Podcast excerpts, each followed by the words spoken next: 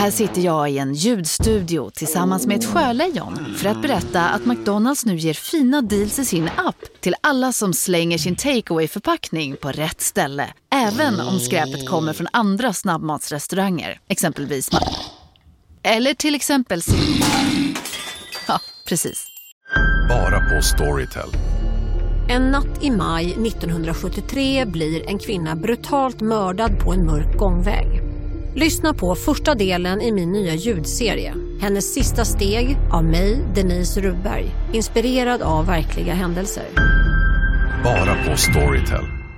Hej, Susanne Axel här. När du gör som jag och listar dig på en av Krys vårdcentraler får du en fast läkarkontakt som kan din sjukdomshistoria.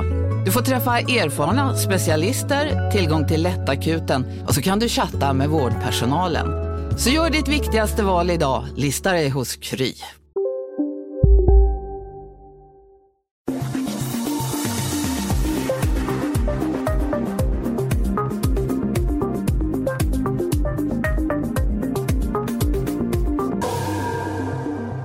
År 1995 hittas en afrikansk flykting mördad mitt inne i centrala Klippan. Han har blivit knivhuggen till döds. Men fallet skulle snart visa sig handla om mer än bara ett mord.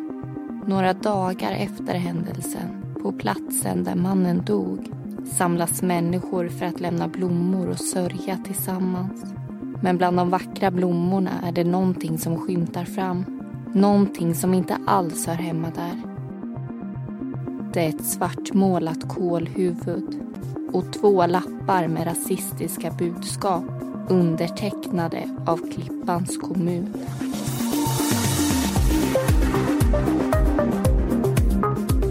Du lyssnar på Mordpodden och i säsong två tar vi upp mord som har skett i Skåne. Och i veckans avsnitt så ska du få höra berättelsen om hatmordet i Klippan.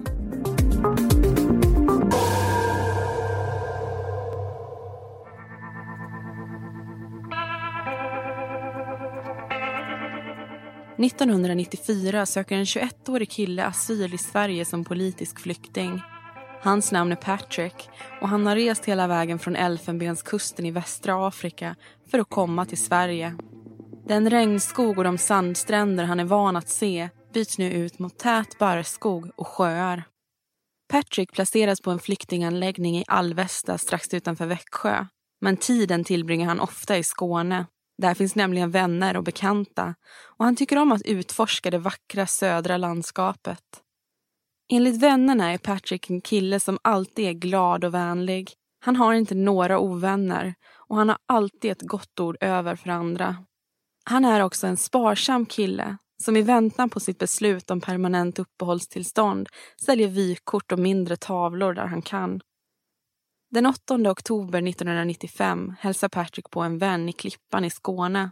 Han har sovit hos vännen under natten och tanken är att han nu ska fara vidare till Bjuv där hans flickvän bor. Patrick lämnar vännens bostad och tar sig till Helsingborg. Där ska han byta buss för att åka vidare. Men någonting får honom att ändra sig och han åker inte till Bjuv. Istället tar han den sista bussen tillbaka till Klippan igen och han anländer där lite efter klockan två på natten. I en annan del av klippan är ett par unga killar på hemmafest. De dricker vin, shots och hembränt innan de beslutar sig för att tillsammans dra vidare in till stan och till krogen Krokodilen. En av killarna heter Fredrik. Han är 16 år gammal. Och tidigare under dagen så har han varit i skolaulan och tittat på teaterrepetition där hans syster har varit med. Eftermiddagen tillbringade han med sina vänner Axel och Tommy som båda är med honom ute på krogen nu. Killarna har flera gemensamma intressen men det finns också en annan sak som gör att de håller ihop så väl. De är alla medlemmar i ett gäng. Ett nazistiskt ungdomsgäng. Fredrik har den här kvällen på sig en svart och röd bomberjacka som är klädd med nazistsymboler. I fickan har han dessutom med sig en armbindel med hakkors på. Hans syfte är att sätta skräck i folk och få omgivningen att visa honom respekt. Vilket han också tycker att han lyckas med. Han brukar även ha rakat huvud, bära kängor med stålhätta och vita snören. Vita snören som i sin tur ska symbolisera vit makt. Den 18-åriga vännen Axel föredrar dock att inte skylta med sina värderingar även om de är densamma som Fredriks. Han vill vara diskret och undvika onödiga konflikter och bär därför inga symboler på sina kläder. Dessutom har hans pappa förbjudit honom att göra det. Både Fredrik och Axel är dessutom beväpnade. På sig har de varsin kniv. Fredrik en butterflykniv och Axel en dolk. Det hade tidigare varit en hel del bråk i klippan och ingen av dem ville gå ut obeväpnade. Och i natt skulle de få användning för de där knivarna.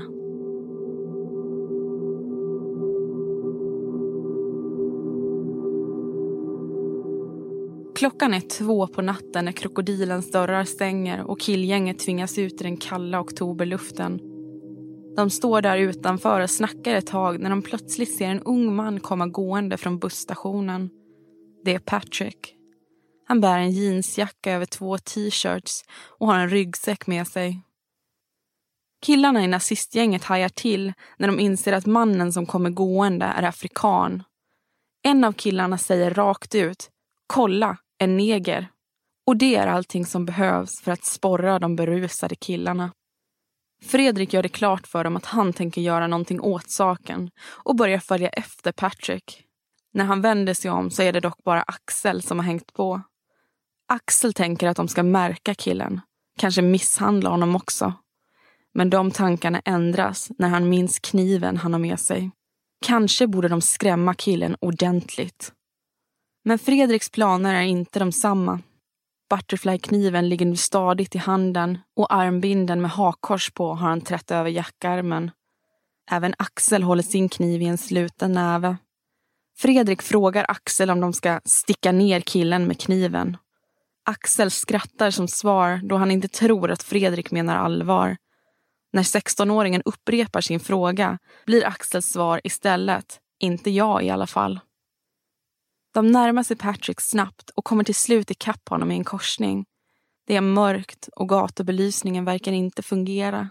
Patrick, som inte anar något ont, vänder sig om när han ser Fredrik och Axel och han frågar artigt How do you do?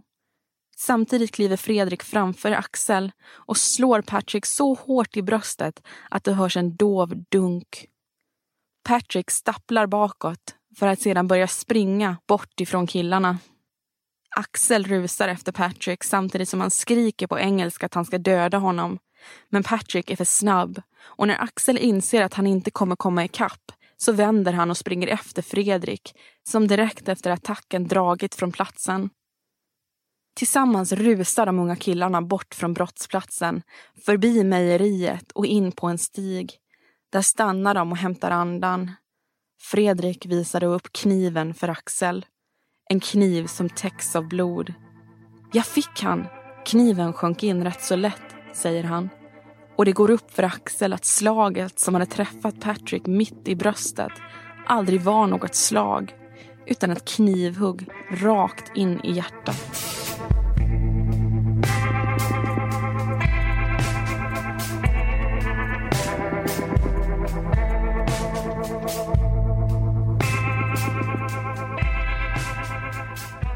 Där hörde du den första delen av Hatmordet i Klippan och här i studion är det ju jag, Amanda. Och jag, Linnea. Som sitter redo att dyka lite djupare i fallet. Men först vill vi berätta om någonting annat. Ja, för till att börja med så vill vi tacka vår fina, nya och härliga sponsor Bookbeat som är Bonniers prenumerationstjänst för ljud och e-böcker i mobilen. Om du som lyssnar, precis som vi, gillar nagelbitande historier och det har vi en känsla av att du gör, så kan vi berätta att du via Bookbeat kan lyssna på och läsa tusentals ljudböcker och e-böcker, bland annat Leif GW Perssons nya kriminalroman. Ja, kan man dö två gånger heter den. Och Det är alltså en ny bok om kriminalkommissarie Evert Bäckström. Och man kan inte annat än att gilla GW tycker jag, för han är ju så himla insatt i det här han skriver om. Han är ju både kriminolog, han är ju tv-personlighet och han är en av Sveriges mest älskade deckarförfattare förstås. Ja men precis, han är faktiskt expert på det som vi ägnar oss åt. Och den här nya boken verkar så spännande. Jag läste faktiskt lite om vad den handlar om och jag kan säga att jag blev fast redan efter andra meningen. Lyssna här. Sjöscouten Edvin sätts i land på ofärd i Mälaren för att plocka svamp. Istället hittar han en halvt begravd dödskalle. Åh, det där låter som någonting som jag vill höra fortsättningen på och säkert många av våra lyssnare också.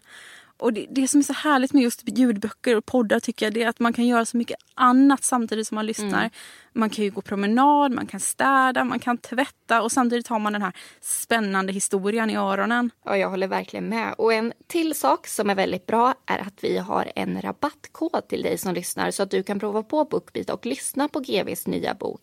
Du klickar alltså in dig på www.bookbeat.se och sen fyller du helt enkelt i rabattkoden Mordpodden och då får du prova på Bookbeat helt gratis i en månad och se om det är någonting för dig. Så gå in och gör det vet jag. Bookbeat.se alltså.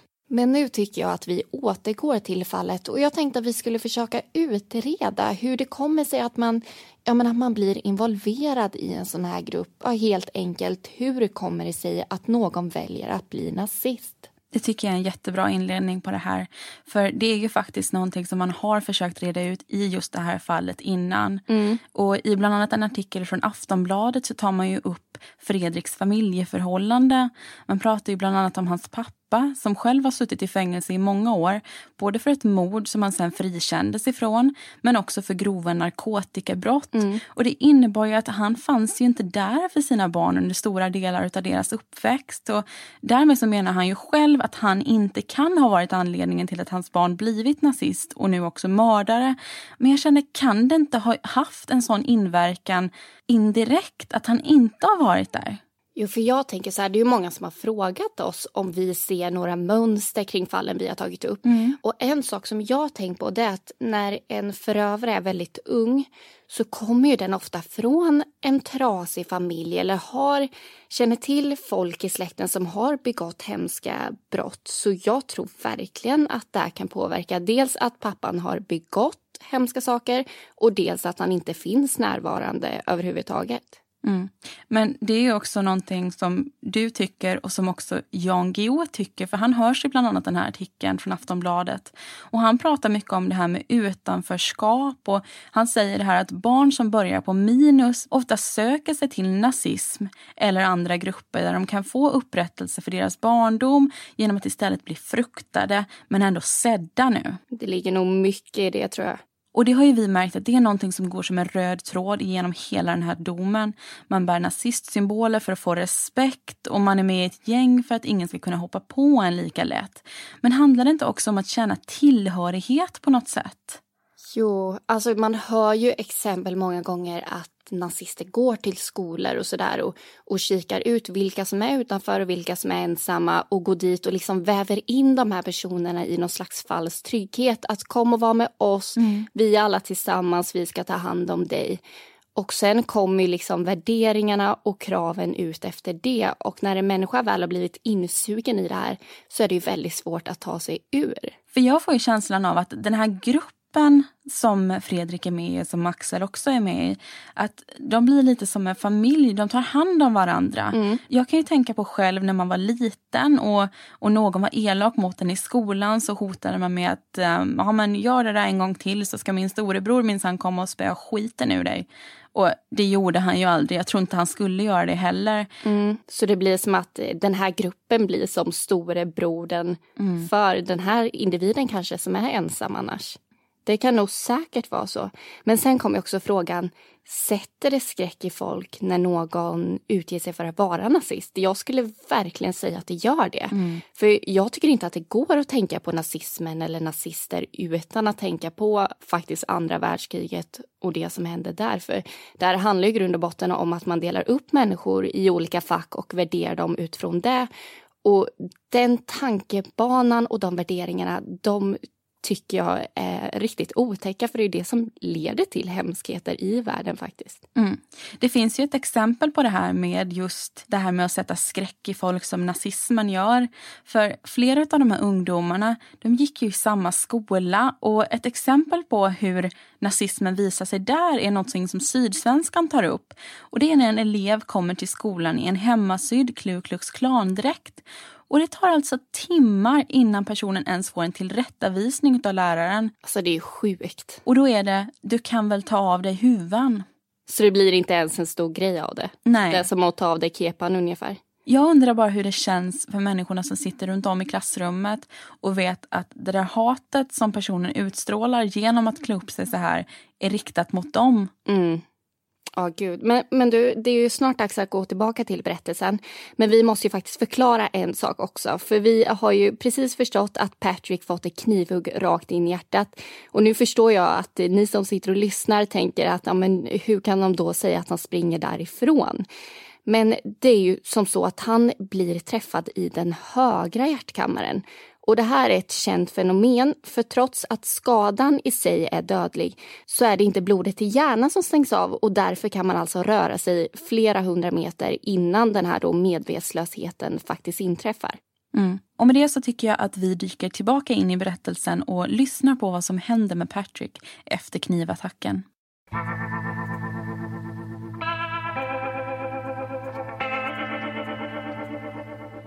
Knivhugget som träffar Patrick rakt i bröstet går in i den högra hjärtkammaren.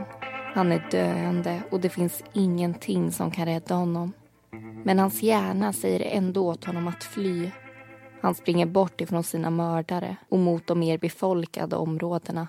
Men han hinner bara ett par hundra meter innan han stapplar till, tappar sin ryggsäck på trottoaren och sjunker ihop. Likandes på rygg försöker han vinka för att påkalla uppmärksamhet. Flera bilar kör förbi platsen, men ingen stannar. Vissa ser till och med Patrick ligga där, men tror bara att det är någon som fått i sig för mycket att dricka. En person väljer dock att ringa polisen. Samtidigt samlar Patrick sina krafter och reser sig upp igen. Men han orkar bara ta ett par stapplande steg innan han faller baklänges in i ett buskage. Han lever, men han är nu medvetslös. Buskarna är låga, men väldigt täta. Och det spelar inte längre någon roll att han befinner sig så centralt, för det är ingen som kan se honom. När polisen dyker upp så verkar allt lugnt i området. Man ser inte skymten av någon man.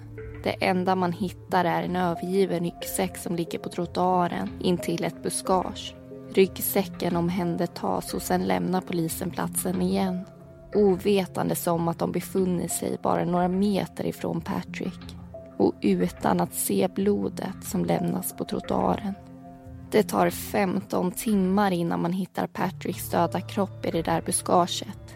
Innan man kan se att han blivit bragd om livet genom ett knivhugg i bröstet. Jeansjackan och de två t-shirtarna han haft på sig är bara lätt fläckade. Det skulle snart konstateras att Patrick dött av inre blödningar. Men vem hade velat han så illa? Fredrik och Axel beger sig till Axels bostad efter att de huggit ner Patrick. De går in i huset genom källaringången och medan Axel går upp till sitt rum så går Fredrik till tvättstugan. Axel hör hur vattnet rinner och antar att Fredrik sköljer av kniven. När han är klar går de båda in i köket och äter chokladpudding med grädde. De diskuterar det som hänt. Axel är orolig och rädd. Både för att åka fast och för att han inte vet vad som hände med Patrick efter det att de lämnat honom. Han tror dock att någon borde ha hjälpt honom. Ingen av dem trodde att knivhugget var dödligt. Senare under lördagen drar de båda killarna hem till kompisen Tommy för att träna. Tommy avslöjar då att en man har hittat stöd i klippan varpå Fredrik och Axel berättar vad de gjort under natten. Fredrik utbrister också. Wow, fan vad gott att han dog.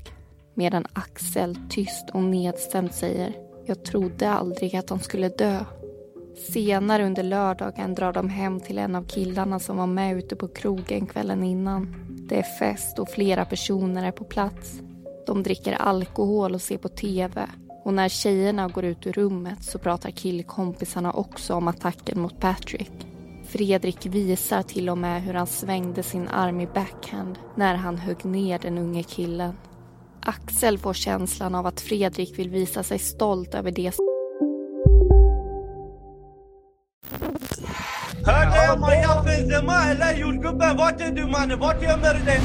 I den tredje säsongen av Gängen hör du bland annat mordet på Mikael i Skärholmen, gängledaren som återuppstod från de döda om mordet på jordgubbens mamma. Lyssna på Gängen på Podmi Signa upp dig på podmi.com. Första 14 dagarna är gratis. Det är säkert att flyga, men ibland händer det som inte får hända. Som när ett plan vägrar att lyda sina piloter och störtar mot marken. När ett videoband fångar en pilots sista sekunder i livet. Lyssna på Flygkatastrofer säsong 3, bara på Podmi.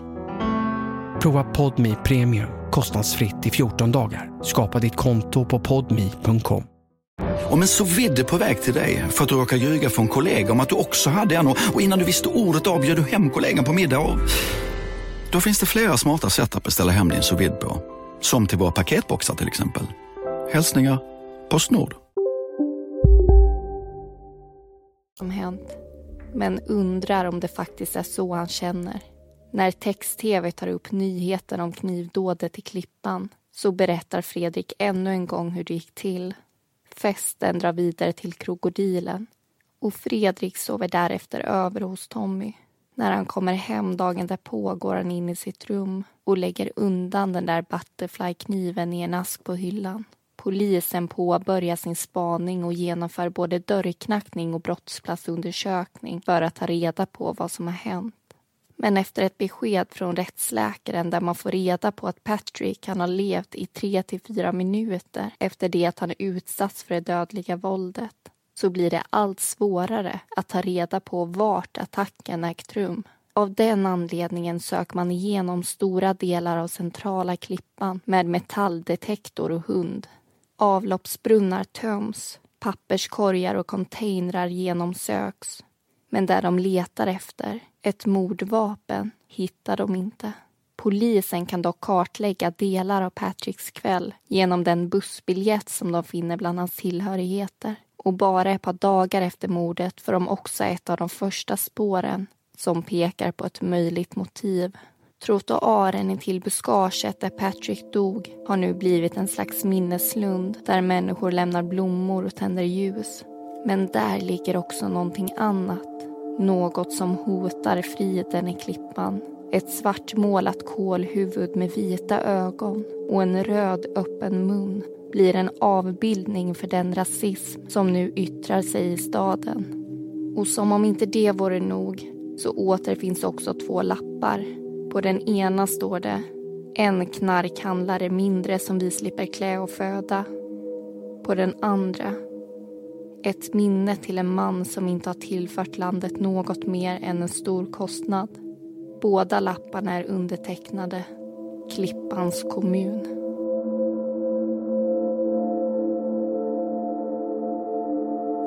Medierna strömmar till staden från hela landet och både de och regeringen sätter ett hårt tryck på polisen i regionen.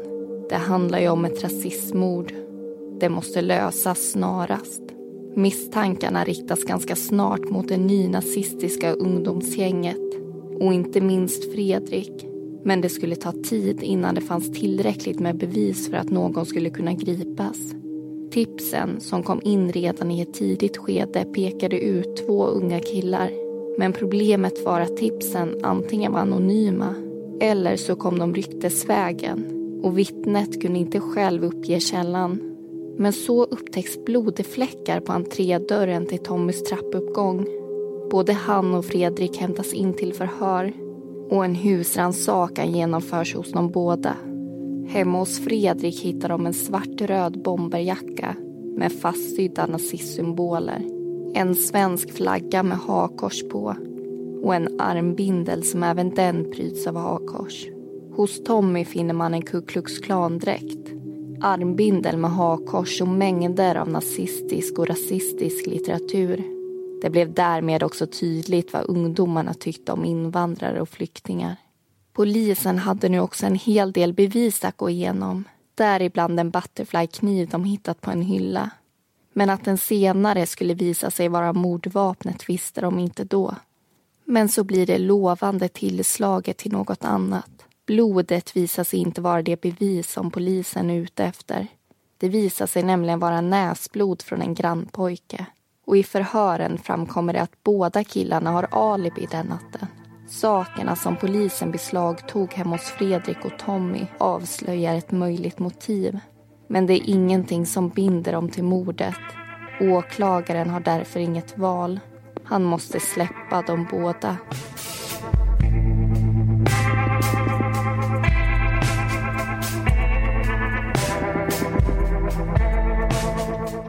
Du lyssnar på Mordpodden. Och i säsong två då tar vi upp mord som har skett i Skåne.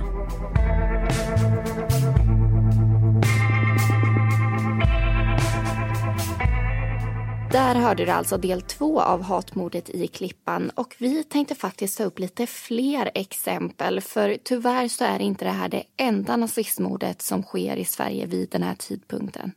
Nej, rasismen i Klippan den blir ju synlig med det här mordet kan man säga lite. Kanske ännu mer då 1995 är ett år som högerextremismen blir synlig på många platser runt om i Sverige. Mm. Och Expressen har ju gjort en sammanställning av ett par av de här morden som sker under 1990-talet i just den här högerextremistiska andan. Och det börjar ju den 8 november 1991 när en iransk student och tvåbarnspappa skjuts ihjäl utav Lasermannen som för övrigt skjuter 11 män med utländskt utseende mellan 91 och 92. Och flera av de här de får ju skador för livet.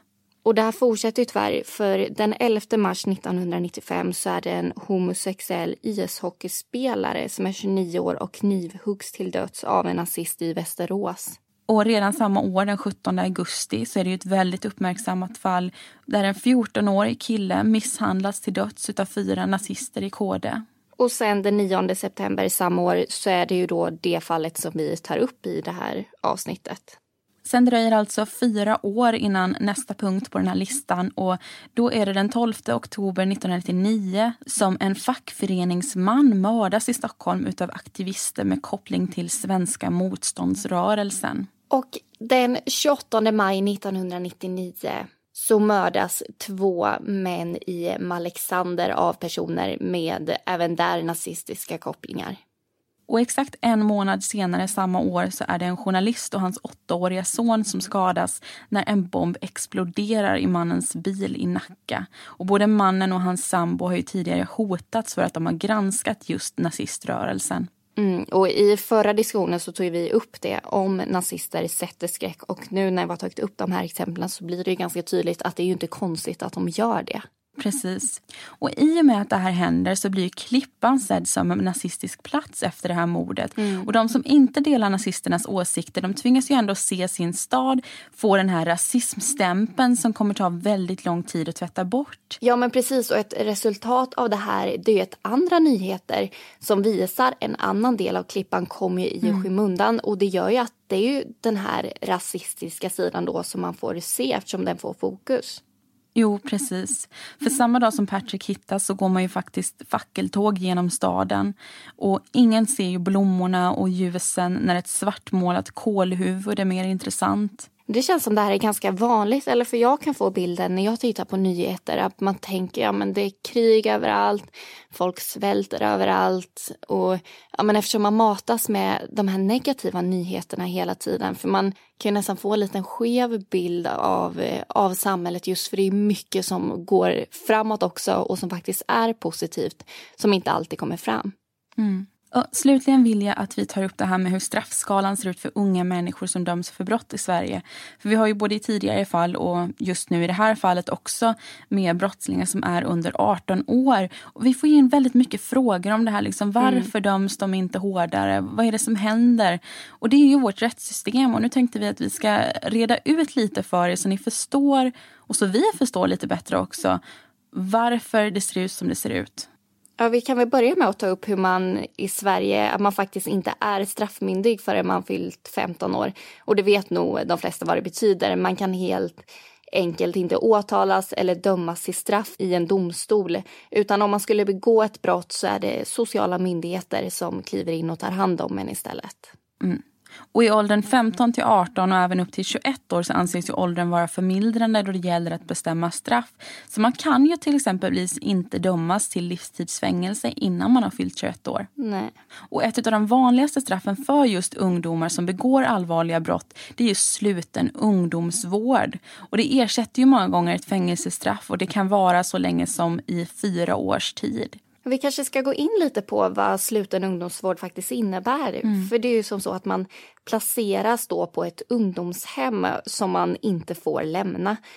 Och där pratar man till exempel med en psykolog och skapar som en vård och behandlingsplan för mm. hur man då ska gå tillväga för att personen inte ska begå fler brott när den väl har kommit dit. Det är ju det det faktiskt går ut på. Mm. Och man säger det här att fängelsestraff det kan du ju dömas till i de här låga åldrarna. Men det är väldigt ovanligt. Mm. Och du kan heller inte dömas på samma sätt som någon som är över 21 år.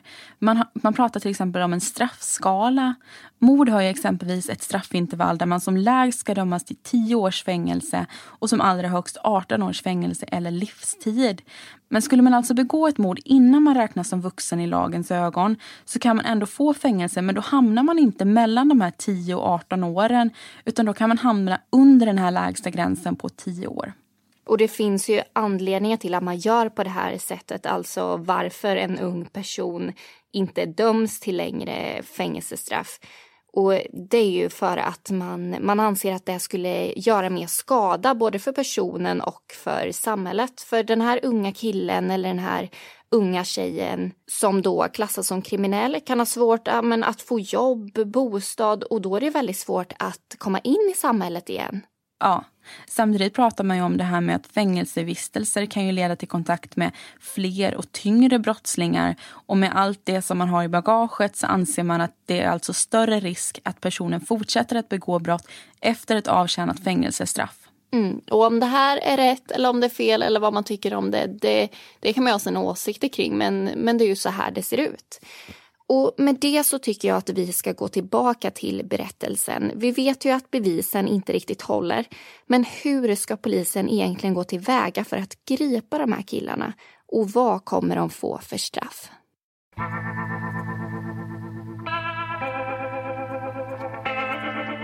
Ett nytt skede i utredningen tar form.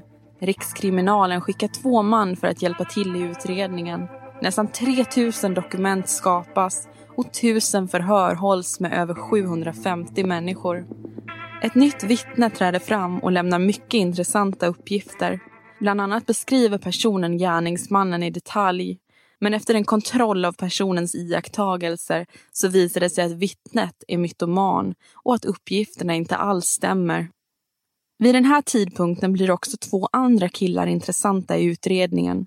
Det visar sig att en 16-årig yngling, Miko, som även han, precis som Patrick, bodde i Alvesta, befunnit sig i Klippan just den natten.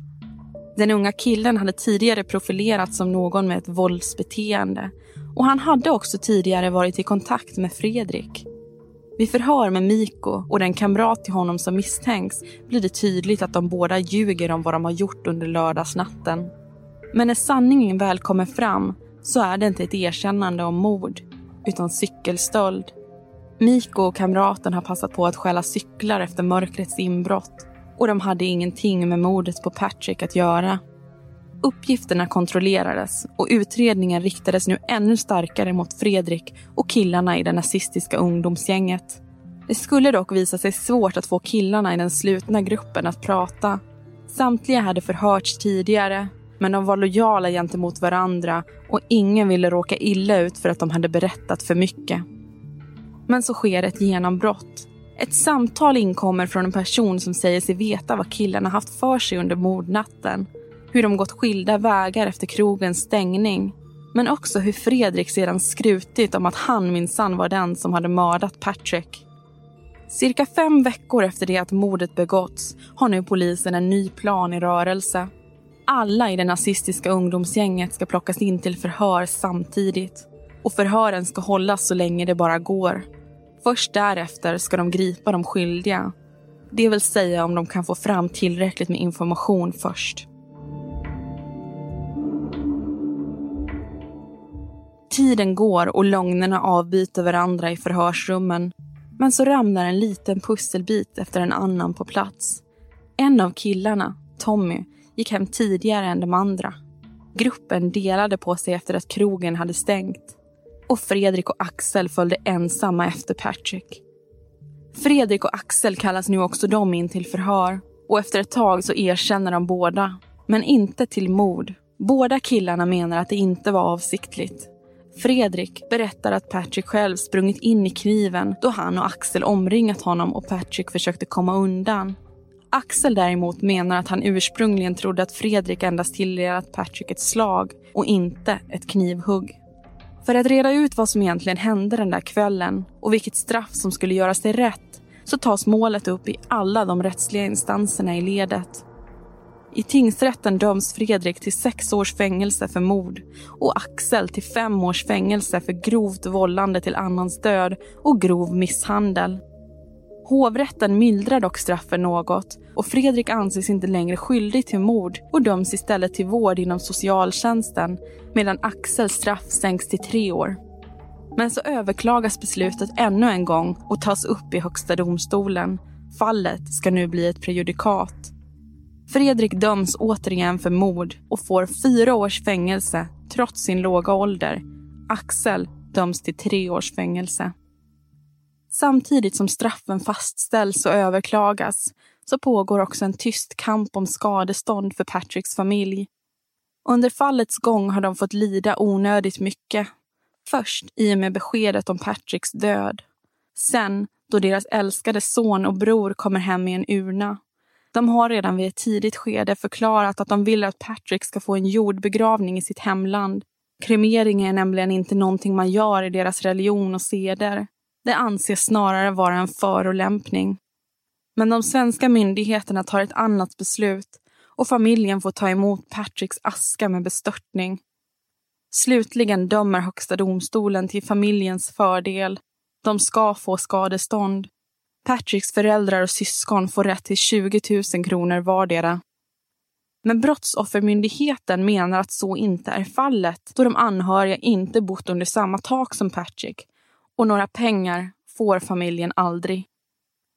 Efter fängelset återupptar både Fredrik och Axel sina roller som nazister. Axel får en ledande roll inom nazismen i Klippan men med åren slutar han göra väsen av sig. När Fredriks nära vän, en ledare inom naziströrelsen, går bort så lovar han att det är Fredrik som ska bli hans efterträdare. Men det blir inte så. Många i rörelsen tycker att Fredriks agerande har skadat deras sak mer än det har hjälpt. Därför väljs en annan person till ledare och Fredrik finner sig utfryst ur gruppen. Fredrik letar sig tillbaka till gamla vänner, de utan naziststämpel och han hittar en flickvän som accepterar hans förflutna. Men han mår inte bra. Han är deprimerad. År 1999 vädjar han till psykakuten om hjälp, men får ingen. Några dagar senare går han ut i centrala klippan med ett avsågat hagelgevär och tar sitt eget liv. Han blev 21 år gammal. Ett år till och han hade varit lika gammal som Patrick.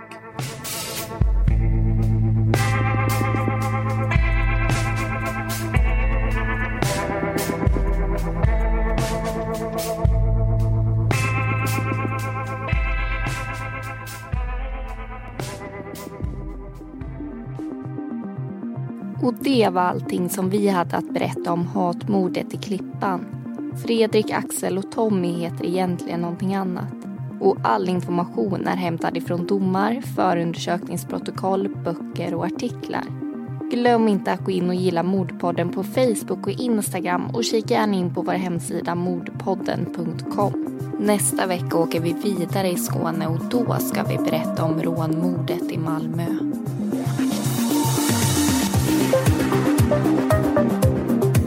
Du har lyssnat på Mordpodden och vi som har gjort den heter Linnea Bolin och Amanda Karlsson.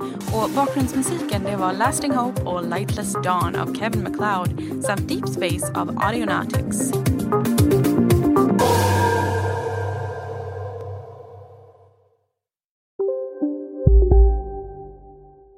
Demideck presenterar Fasadcharader.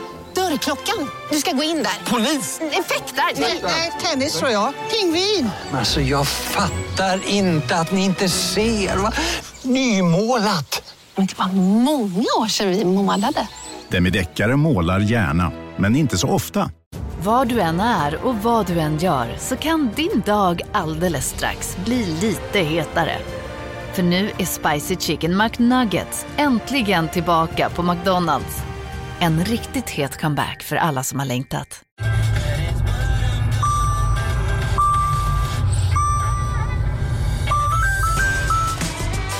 Dags att fylla på tanken. Stanna på Circle K så får du 50 öre rabatt per liter på dina tre första tankningar när du blir medlem. Vi ses på Circle K i sommar.